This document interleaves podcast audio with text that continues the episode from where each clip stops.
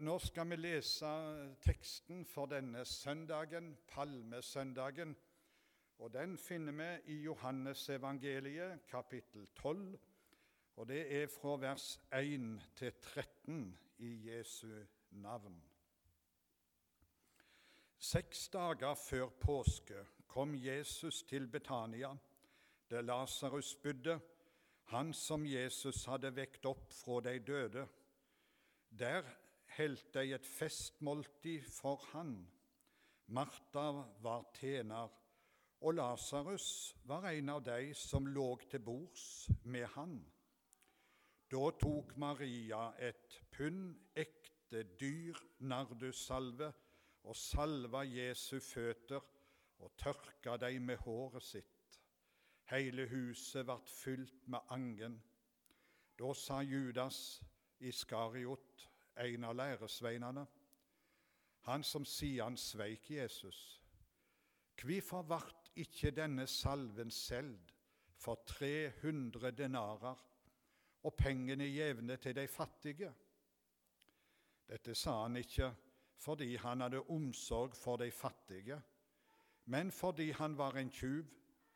Det var han som hadde ansvaret for pengekassa, og han tok av det som var lagt der. Men Jesus sa, La henne være, hun har gøymt salven til gravferdsdagen min. De fattige har det alltid hos dykk, men meg har det ikke alltid.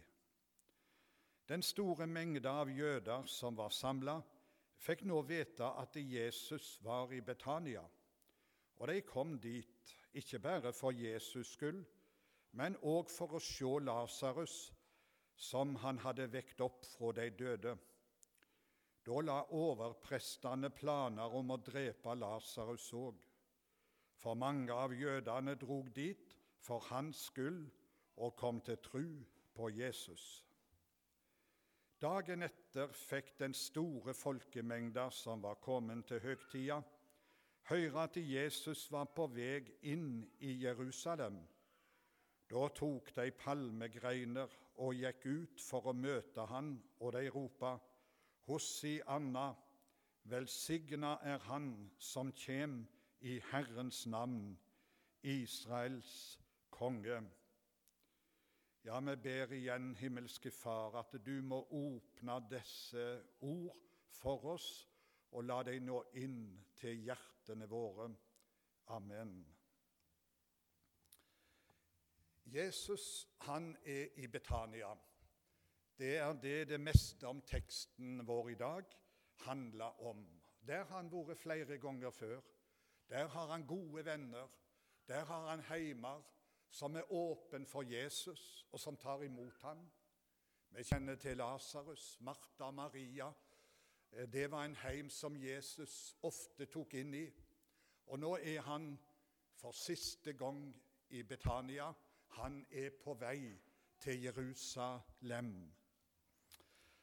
Der, denne gangen så er han sannsynligvis ikke i heimen hos Martha, Maria og Lasarus. Når vi leser parallellteksten til dette i Matteus og Markus, så finner, får vi høre navnet på han som åpna heimen for Jesus og læresveinene denne gangen. Og han heter Simon den spedalske. Det står i begge de evangelietekstene. Simon den spedalske. Han er nevnt i Bibelen én gang. Og vi vet ikke mye om han, men han er nevnt en eneste gang i Bibelen. Og grunnen til at han er nevnt i Bibelen, det er at han åpna heimen sin for Jesus. Og det skal vi merke oss før vi går videre, at så stor en betydning har det for Jesus og for Guds rike at det er noen som åpner heimene sine og som bruker dem i tjenesten for Jesus, at dette er nevnt i Bibelen. Og det er nevnt i forbindelse med Simon den spedalske. Og det er bare av den grunn at Simon har fått navnet sitt i Bibelen. Det er mange som tenker så altfor smått om heimen og om den betydning som heimen har for Guds rikes arbeid. Mathias Orheim kjenner mange av oss til, iallfall når det gjelder sangene han har skrevet. Og han var i 1909 på Vigrestad. Han var 25 år da. Han var blitt landskjent pga. sangene sine. Han sto i vekkelser, og mange ville ha besøk av han. Mens han var på Vigrestad, så skrev han ei hilsen til besteforeldra som bodde på Moltustranda på Sunnmøre. De hadde et småbruk, og de kom ikke lenger enn til heimen deres og til fjøset og ut og inn i dette. Og Så hadde han så lyst til å skrive ei hilsen til deg. Og vet du hva han skrev da?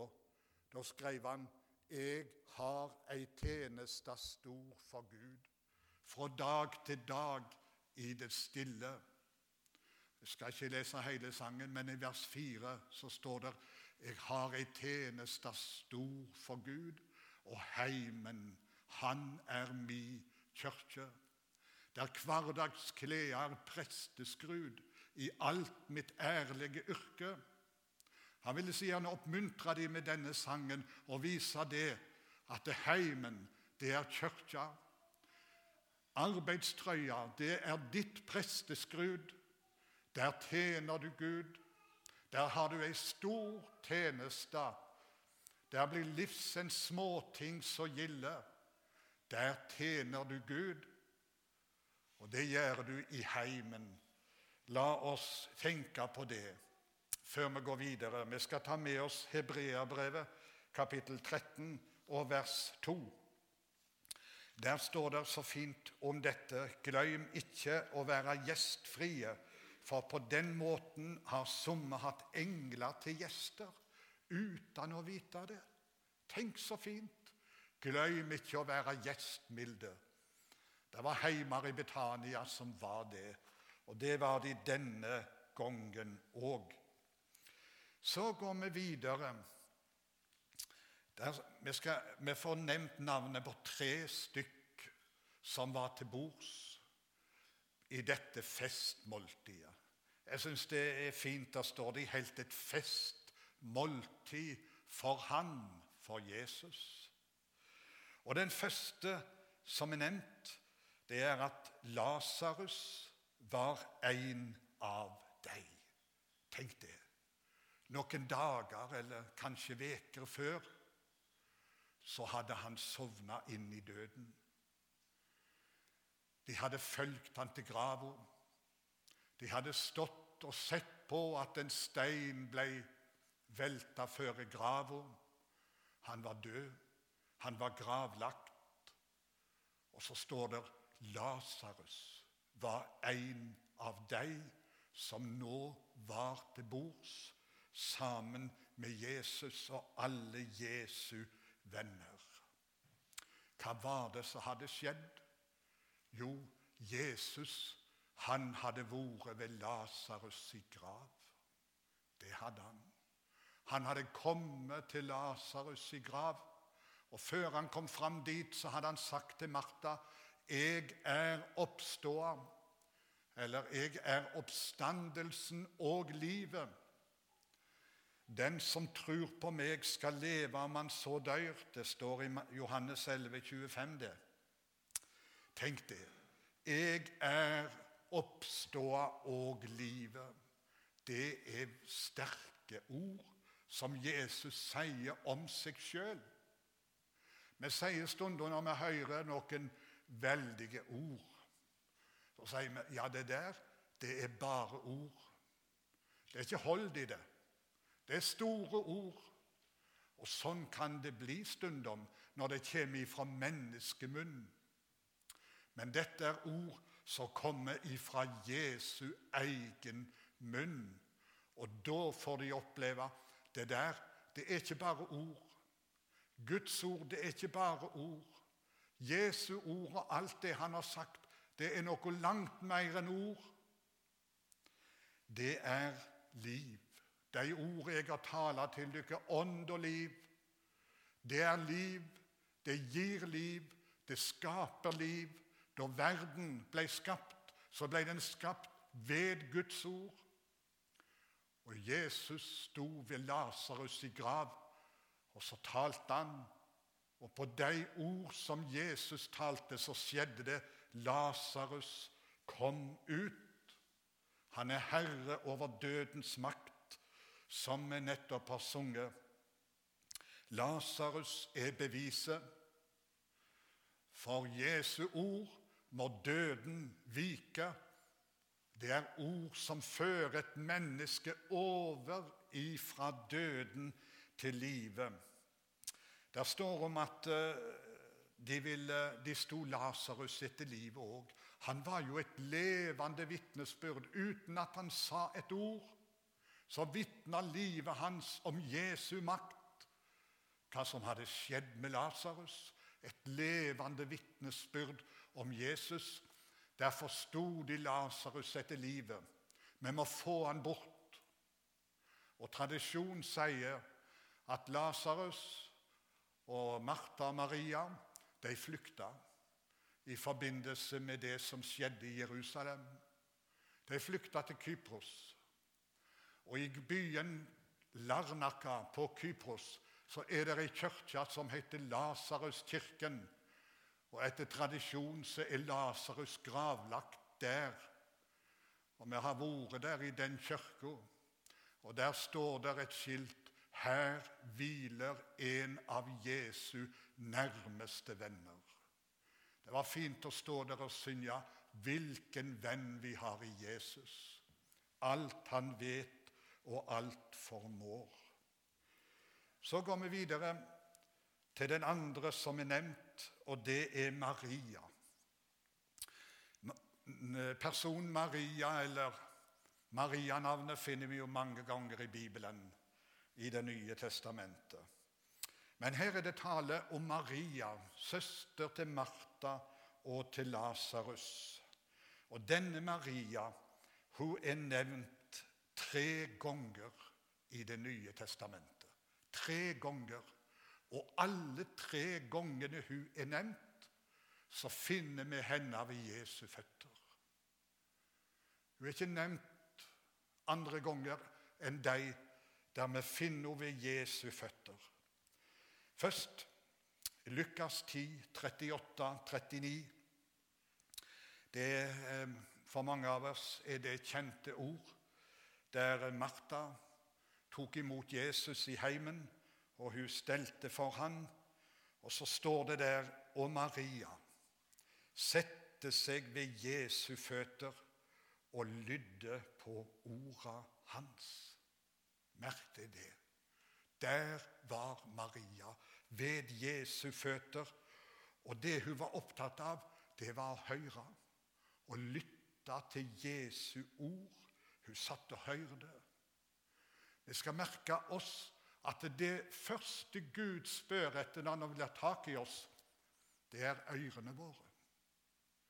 I Esaias 55 så står det at Vend øra hit og kom til meg. Hva skal vi komme til Jesus med, til Gud? Vi skal komme med ørene våre. Han vil så gjerne at vi skal begynne å lytte og høre og sitte ved Jesu føtter Der skjer noe med oss når vi begynner å høre og lytte til Hans ord. Da bærer det frukt. Da skjer det noe i våre liv. Den andre gangen vi hører Maria, det er i Johannes 11, 32. Der står det som nå Maria kom dit Jesus var, kasta hun seg ned for føttene hans. Jeg skal bare ta med den setningen. Jesus er kommet til sørgeheimen og på vei til Lasarus' grav. Det var mange som gråt. De hadde det tungt og vanskelig. Og Det står at når, Jesus, når Maria så Jesus, så kasta hun seg ned for føttene til Jesus og så begynte hun å øse ut av sitt indre. Jesus, hadde du vært her, så hadde ikke bror vår dødd. Du, Sånn skal du få lov å komme til Jesu føtter og tømme ditt hjerte og si det. Dine, dine vanskeligheter, det du sliter med, det som er smertefullt, det som er tungt i livet ditt. Trygve Bjerkreim har sagt det slik du får komme til Jesus med det som er tungt, med din sorg og ditt eh, synd og din sut, står der. Du får komme til Jesus. Det var det hun gjorde. Kasta seg ned for Jesu føtter. Vi skal ikke stanse lenger for det, men vi skal gå nå til den tredje gangen. og Den finner vi i teksten vår her i Johannes 12 og det tredje verset. Der er hun også å finne ved Jesu føtter. Da tok Maria Nå er hun ikke bare ved Jesu føtter for å høre eller for å tale, for å be, men nå er hun der med en aktiv handling. Da tok hun et pund ekte, dyr nardussalve og den var svært kostbar. Vi får opplysninger i teksten her gjennom Judas hva dette kosta. 300 denarer. Og vi kunne tenke oss hvordan i all verden har hun fått tak i så dyre salver? Det sier teksten ingenting om, og det skal vi la ligge. Vi vet at forskningen forteller at dette er en salve som kommer ifra nardusplanten, som vokser i 5000 meters høyde i Sørøst-Asia. Så vi kan jo forestille oss at den kosta mye penger.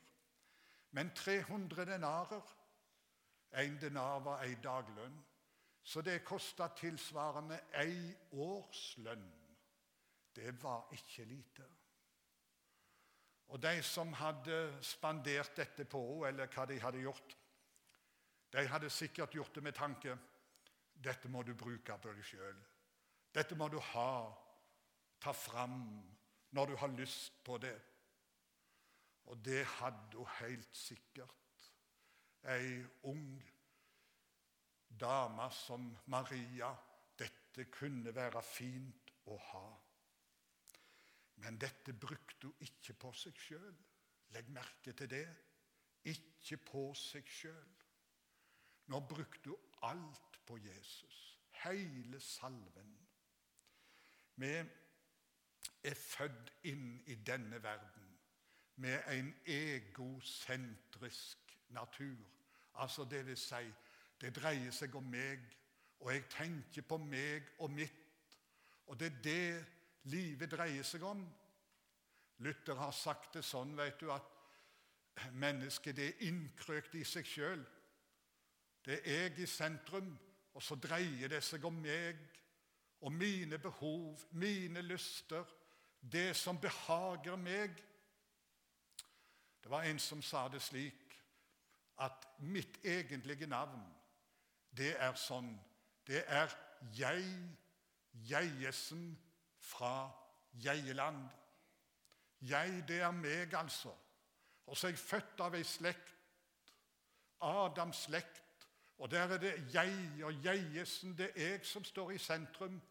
Og så bor jeg i et folk og i et land som heter Jeieland. Jeg tror det er nokså typisk og talende for den slekt som du og jeg er født inn i.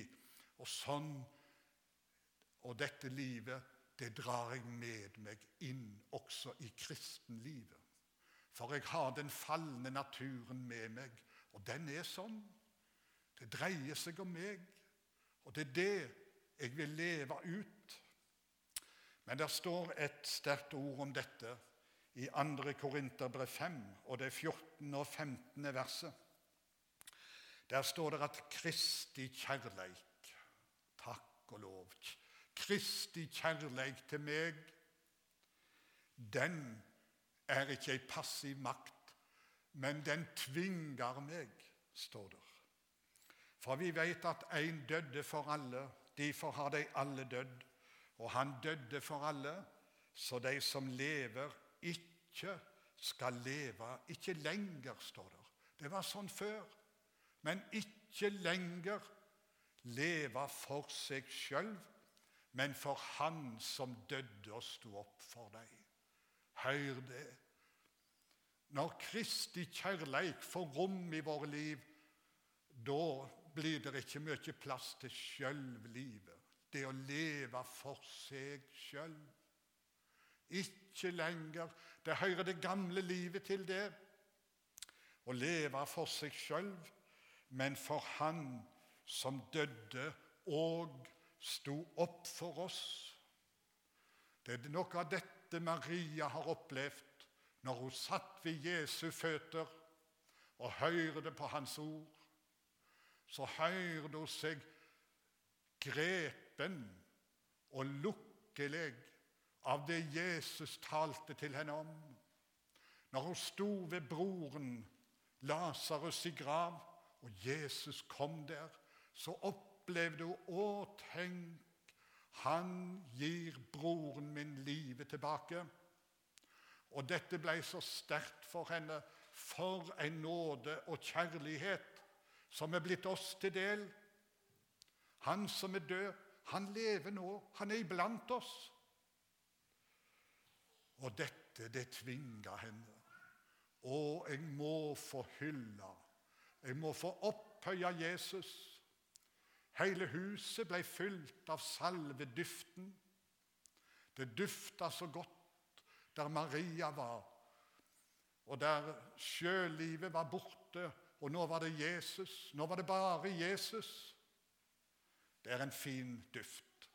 Korinterbrevet eh, kaller det for Kristi velduft, eller Kristi hugelige ange, står der. Og det er godt når denne duften får råde imellom oss. Når Kristus, når det er Han vi taler om, Han vi synger om, når det er Han vi vil ære med våre liv.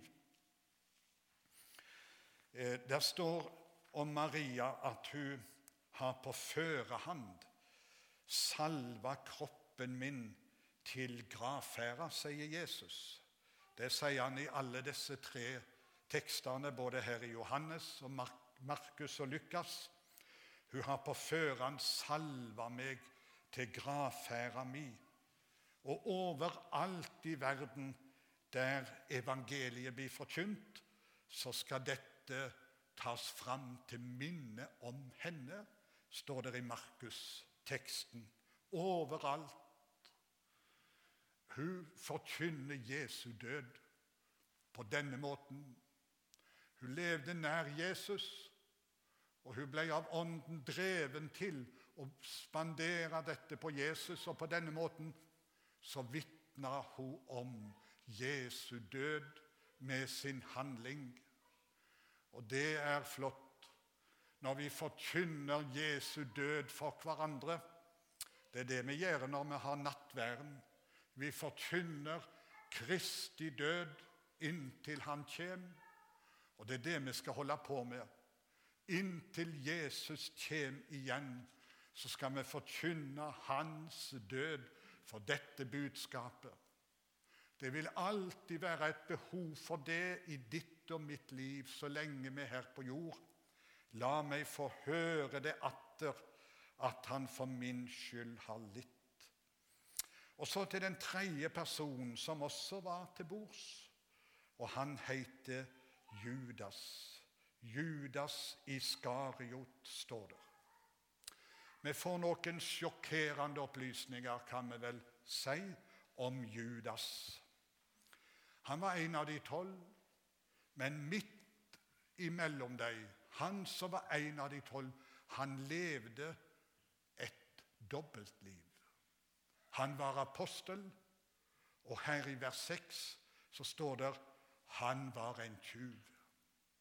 Apostel og tjuv på samme måten. Det gikk an midt i apostelflokken å være både apostel og tjuv. Og videre står det 'Han som sveik han'. Tenk det.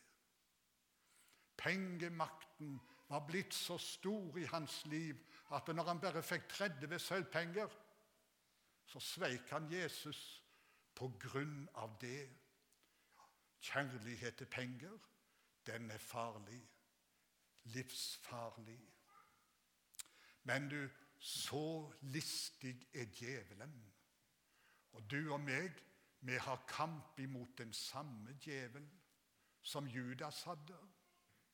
Og når Paulus skriver til Efesermenigheten, så står det i kapittel 4, Efeserbrevet 4, 27, et kort vers Og gi ikke djevelen rom. Legg merke til at det er skrevet til en menighet, til kristne folk. De sto altså i den faren å gi djevelen rom. Og djevelen han vil alltid ha rom i våre liv. Og han er ikke fornøyd med ett rom. Han har alltid utvidelsesplaner. Mer rom, mer rom vil han ha. Men Jes, eh, ordet sier her gi ikke djevelen rom. Men det går an å leve et seirende liv, takk og lov, i forhold til djevelen, enten det var da eller det er nå. Og Vi skal ta med et ord om det i Johannes' åpenbaring 12,11. Der står det om eh, de som har seira over djevelen. Vi skal ikke ta med hele sammenhengen, men det står 'de har seira over han'. Og så legger du merke til i kraft av blodet fra lammet. Vi skal bare understreke det.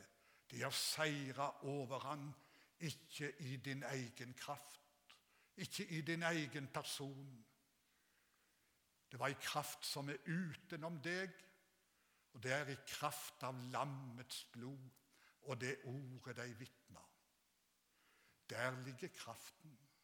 I Kristi forsoningsdød og hans blod på Golgata som rann for dine synder. Hans Adolf Brorson han har sagt det så sterkt på denne måten. Hold du deg alltid nær til Kristi kors og vunder. Vunder, det betyr sår. Så ligger Satan under med hele sin helved her. Det er saken. Hold du deg alltid nær til Kristi kors og under, så ligger Satan under med hele helvetes hær. Og så til slutt så er Jesus på vei til Jerusalem. Det står det ikke mye om i teksten vår i dag. Det er palmesøndag. Men de to siste versene handla litt om det. Han ble ikke værende i Betania. Festmåltidet tok slutt, og dagen etterpå så måtte Jesus videre. Og du, han visste hva som venta han. Alt i sammen. Han visste hva som skulle skje, både når det gjaldt Judas, Peter og alt det som venta han av slag og smerte, kors og død, men likevel så går han inn i Jerusalem. Og der ble han møtt med en veldig folkemengde, med palmegreiner, med hosianna-rop, som betyr Det var jo et hebraisk ord, det, som betyr 'Herren gir frelse', eller 'vær helsa', 'vær hilset', betyr det visst. Og dette var det de ropte. Og i profeten-boka så står det at dette skal skje. Vi skal merke oss alle gangene det er gjentatt i forbindelse med Jesu lidelse for at Skriftene skulle oppfylles.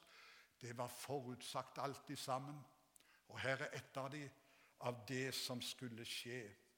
Jeg skal bare nevne dette med palmegreiner. Det er noe flott symbolsk med det.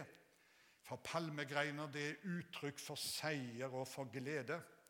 Og det ble brukt på den tid når de mottok konger som kom hjem ifra krig, og seieren var vunnet, og folket kom imot dem, da møtte de dem med palmegreiner. Seieren var vunnet. Du, Slik var det folket gjorde det. De visste ikke skikkelig hva de var med på. Men nå kom Jesus for å vinne den største seier i hele vår slektshistorie. Det var seieren på Golgata og ved den åpne grav. Og dette skal vi aldri bli ferdig med å prise og takke Gud for. Til slutt skal vi ta med Johannes' åpenbaring 7 og det niende og tiende verset der. Deretter så jeg en flokk så stor at ingen kunne telje han av alle folkeslag og etter, av alle folk og tungemål. De sto framfor trona og lammet, kledd i hvite klede, med palmegreiner i hendene. Og de ropa med høg røyst, Sigeren kjem fra vår Gud, Han som sitter på trona, og fra lammet. Da skal en tale og synge om seieren, den evige seier, som er grunnen til at vi kan bli med der. Og da skal vi få palmegreiner i våre hender. Da er det bare én som er på trona, og det er Jesus. Da skal vi ære og opphøye Han i all evighet. Du er vel med? Du er vel med i denne flokken. Den skal bli stor. Men det er plass for deg òg. I Jesu navn.